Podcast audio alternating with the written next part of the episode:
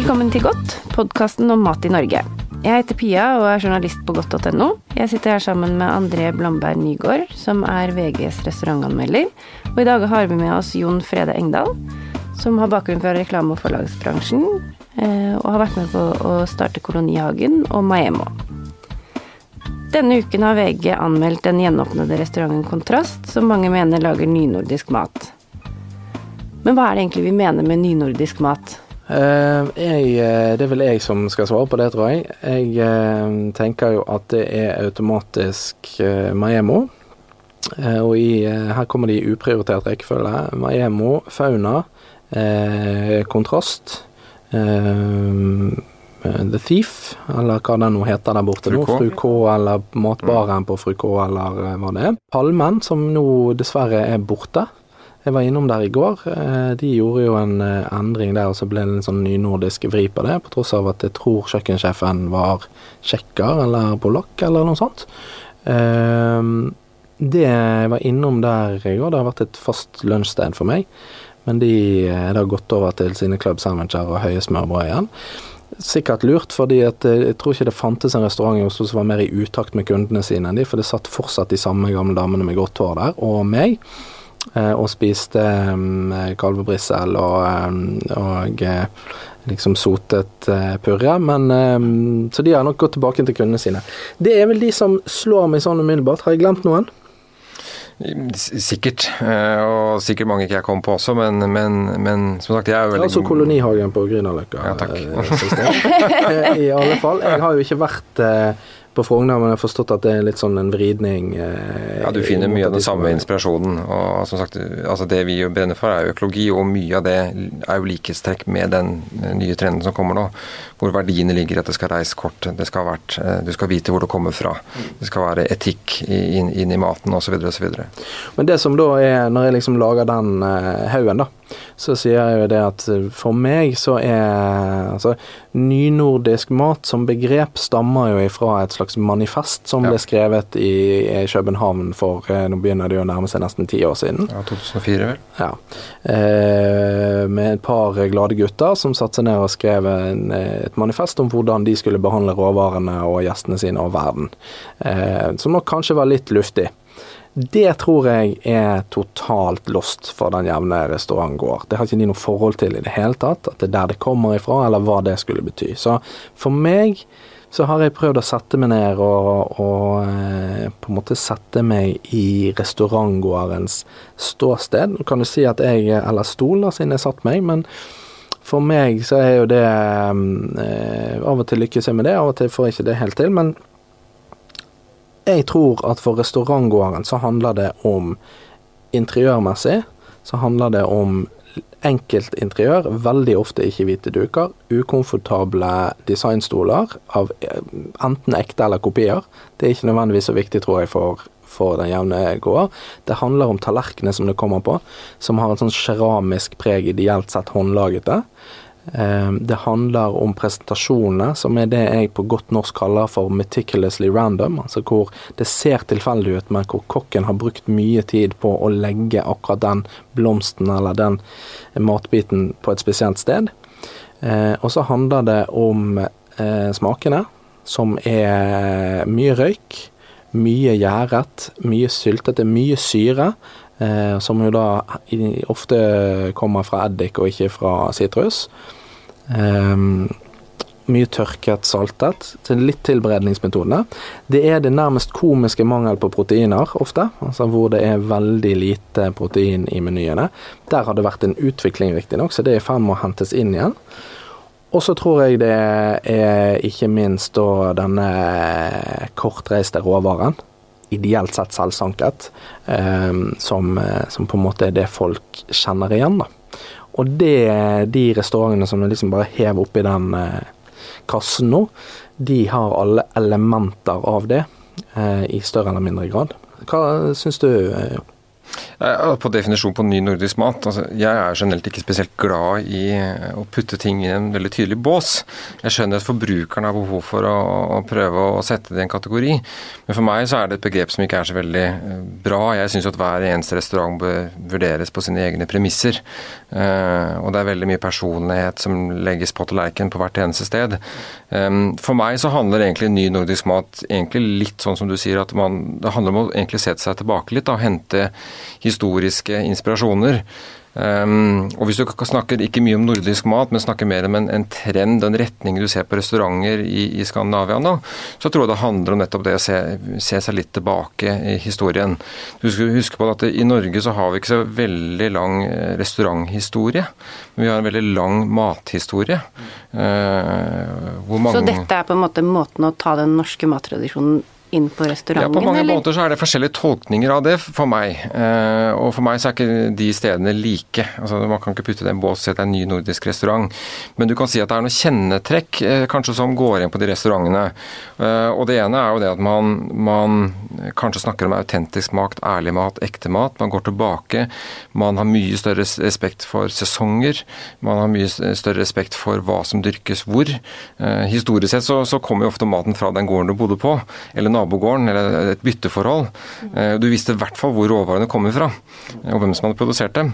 Og vi hadde også mye mer åpenhet i forhold til at du visste hvordan eh, råvarene er produsert. Og jeg tror at noe av det du ser nå også på de restaurantene som dere kanskje da velger å putte i den båsen, er at de er mye mer tro mot både sesong og, og ærlighet og ekthet i råvarene. Og skal gjerne vite mest mulig om, om og hvor det kommer fra.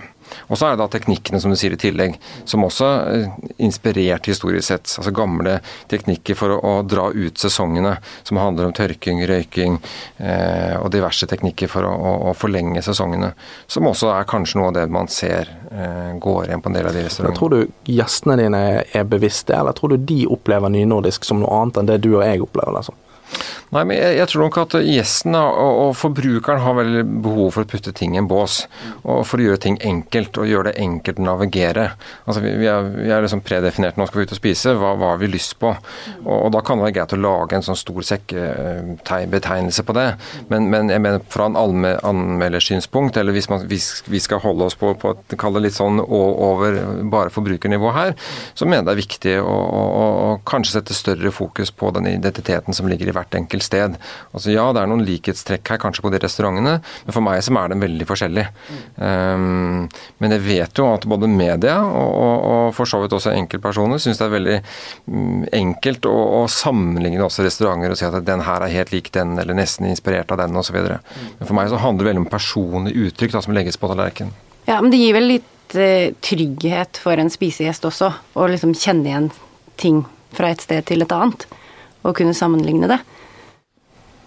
Ja, kanskje. Jeg, jeg, tenker For meg så blir det litt, litt kjedelig, da. Eh, jeg, jeg, vil, jeg, vil, stille med blanke ark hver gang jeg kommer til en restaurant. Jeg har lyst til å ta inn over alle inntrykkene som kommer inn.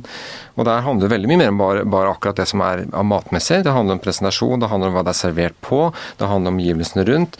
Eh, og hvert enkelt sted har sin unike filosofi. Og jeg tror hvis du hadde invitert alle kjøkkensjefene på de stedene som dere kanskje ville klassifisert som ny nordisk i Oslo, så ville nok fått ganske forskjellige svar på, på hva, hvordan de tolker og hvordan de lever. Men hvis jeg går tilbake igjen til dette med eh, ektehet og øh, kunnskapen til råvarene, og at man skal velge nært osv., så, videre, så er jo Maem er veldig flink i Tror du ikke litt av uh, utfordringen for at dette som matretning skal bre om seg, da.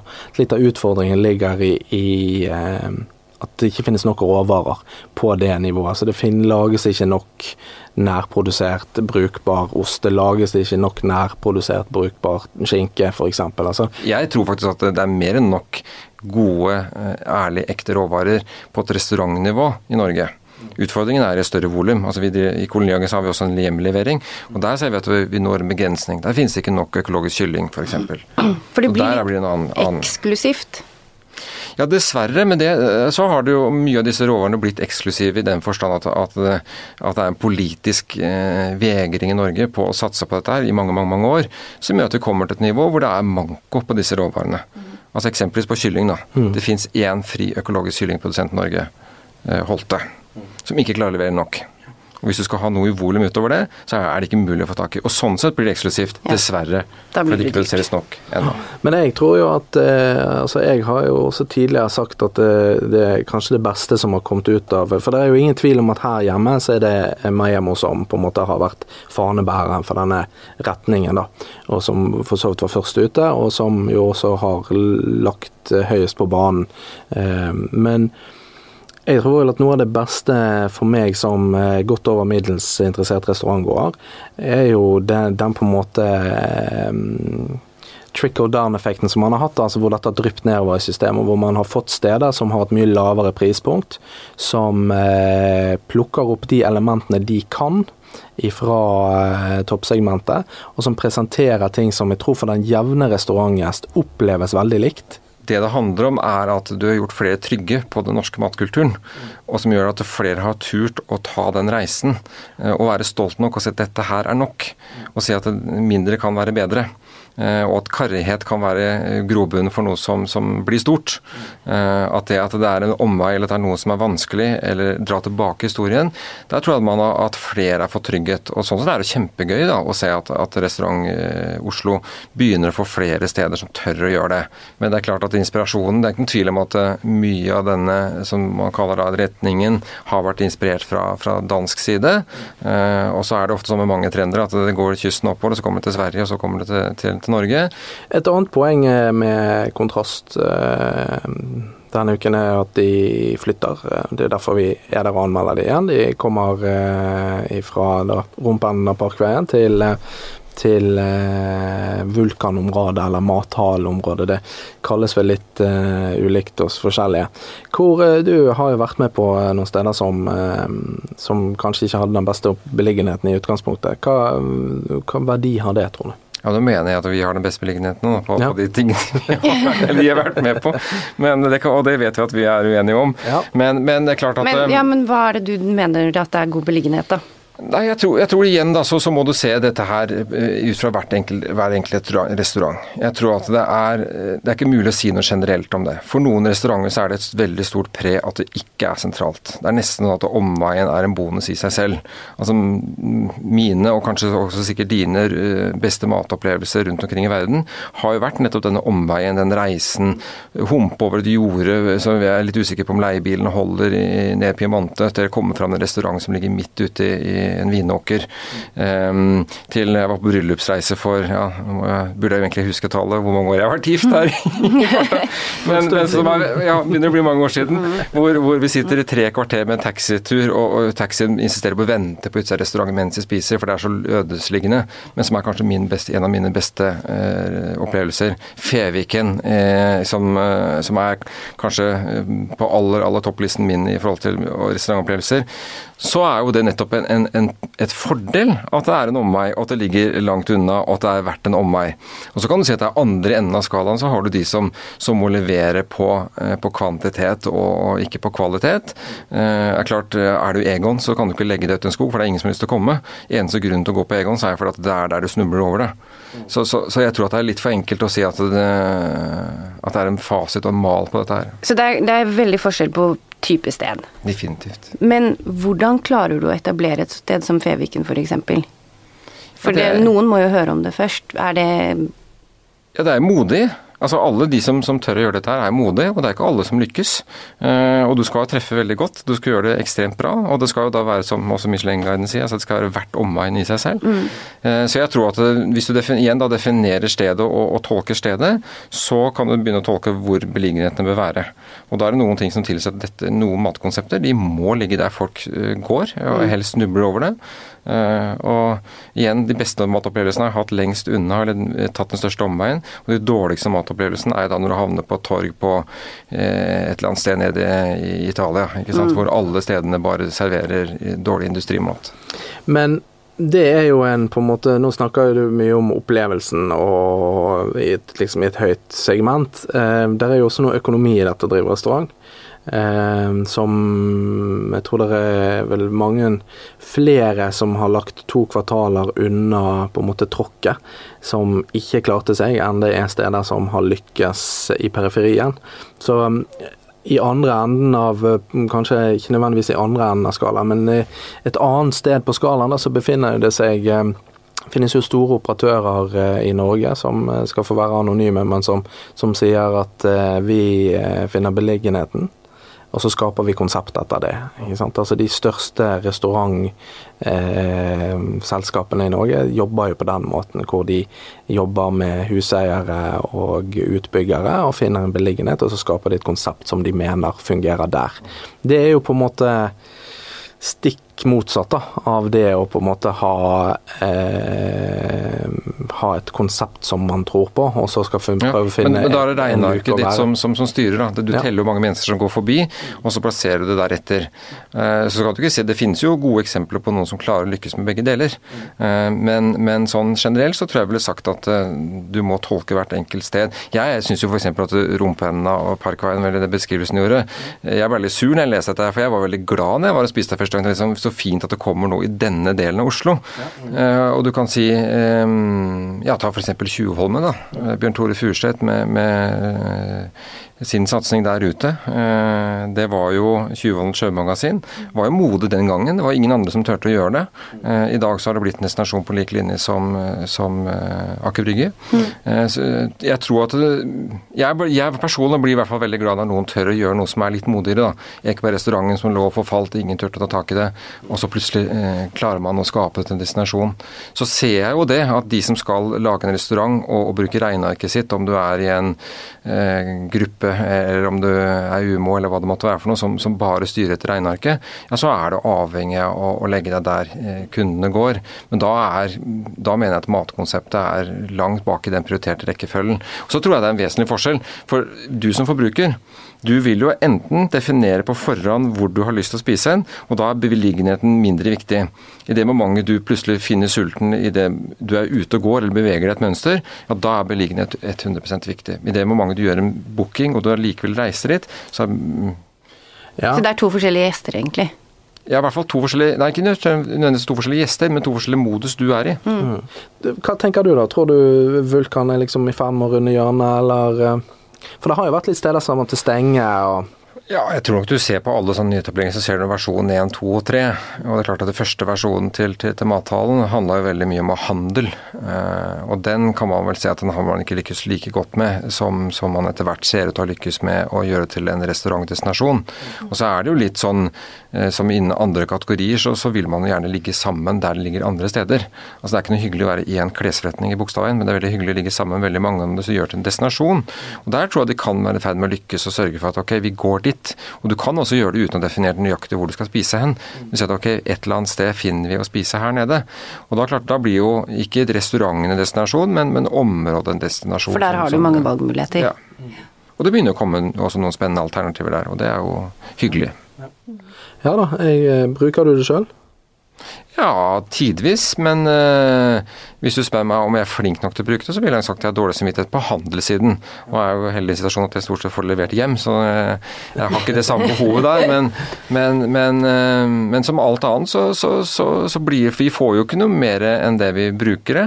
Og der kan man jo si at jeg syns at nordmenn generelt er for dårlige, eller folk i Oslo altså er for dårlige til å gå ut og bruke byen. Vi er veldig flinke til å klage på og si at vi, å, vi skulle gjerne hatt det sånn, og hvorfor er det ikke som i København? Jo, det er veldig enkelt. Vi støtter ikke opp om det som er. Ja, jeg er huleboere. Vi, vi, vil gjerne holde oss inne i hulen vår og, og, og trives best der. Da tror jeg nesten at vi må bare være enige om at dere er litt uenige om hva nynordisk er. Det er ikke følt og så tenker jeg at nå er det snart helg. Ja. Og hvor ville du gått ut og spise i helgen? Nynordisk ja, så Nå har jeg ikke lest den anmeldelsen som, som uh, kanskje ligger til grunn uh, før eller etter dette opptaket her, uh, men jeg har jo veldig lyst til å, å, å spise på, på kontrast. så det kunne jeg godt tenkt meg å, å prøve. Og gjerne følge med på alt nytt som skjer i Oslo, for jeg er veldig glad for alt, alle nye bidrag som kommer. Jeg tror det er eneste måten Oslo kan bli et spennende sted, er at vi alle sammen heier fram de modige forsøkene som, som blir gjort rundt omkring i byen. Mm. Hva med deg, André? Du, jeg uh, sitter litt på Jeg skal nok uh, ut og jobbe ut og jobbe litt i helgen, ut og spise eh, og skrive noe om det. Så det jeg gleder meg til, er faktisk oppe i eh, vulkanområdet. Jeg gleder meg til uh, skal det hete chicken and ribs, eller noe sånt. Det kommer en litt sånn veldig folkelig greie som jeg forventer å kunne bli litt skitten på hendene og spise litt eh, grisemat. Eh, som er jo også en sånn litt modig nysatsing som ting som vi ikke ville sett eh, på lenge, og som er jo kanskje en litt sånn heving av dette trash-gourmetet som vi har sett mye av i Torgata, som nå på en måte løftes opp av kanskje aktører som bruker litt mer penger på det. To gode tips der, altså. Og med det avslutter vi for i dag. Tusen takk til dere, Jon og André. Takk til dere som hørte på oss. Jeg heter Pia, og sendingen er produsert av Magne Antonsen. Hvis du har kommentarer eller forslag til hva vi skal snakke om neste gang, send oss en e-post på post at godt.no.